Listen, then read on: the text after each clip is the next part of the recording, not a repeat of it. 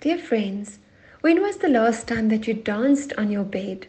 In Psalm 149, verse 4 to 6, we see how God's beloved dances on his bed with great joy and God's sword in his hands. Wow!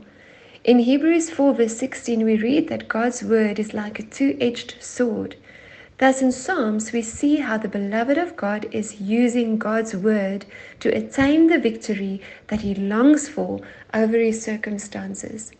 He doesn't try to win by himself, but in humility trusts in God and His word to give him his victory. He is, however, so excited about the promises of God that out of joy he is singing through the night and dancing on his bed. I ask again, when was the last time that you danced through the night on your bed with God's word as your source of joy and hope? If you are discouraged this morning, you need God's word to lift your spirit up and get your feet to dance. For as God has given his beloved the victory, so too he will give you the victory too.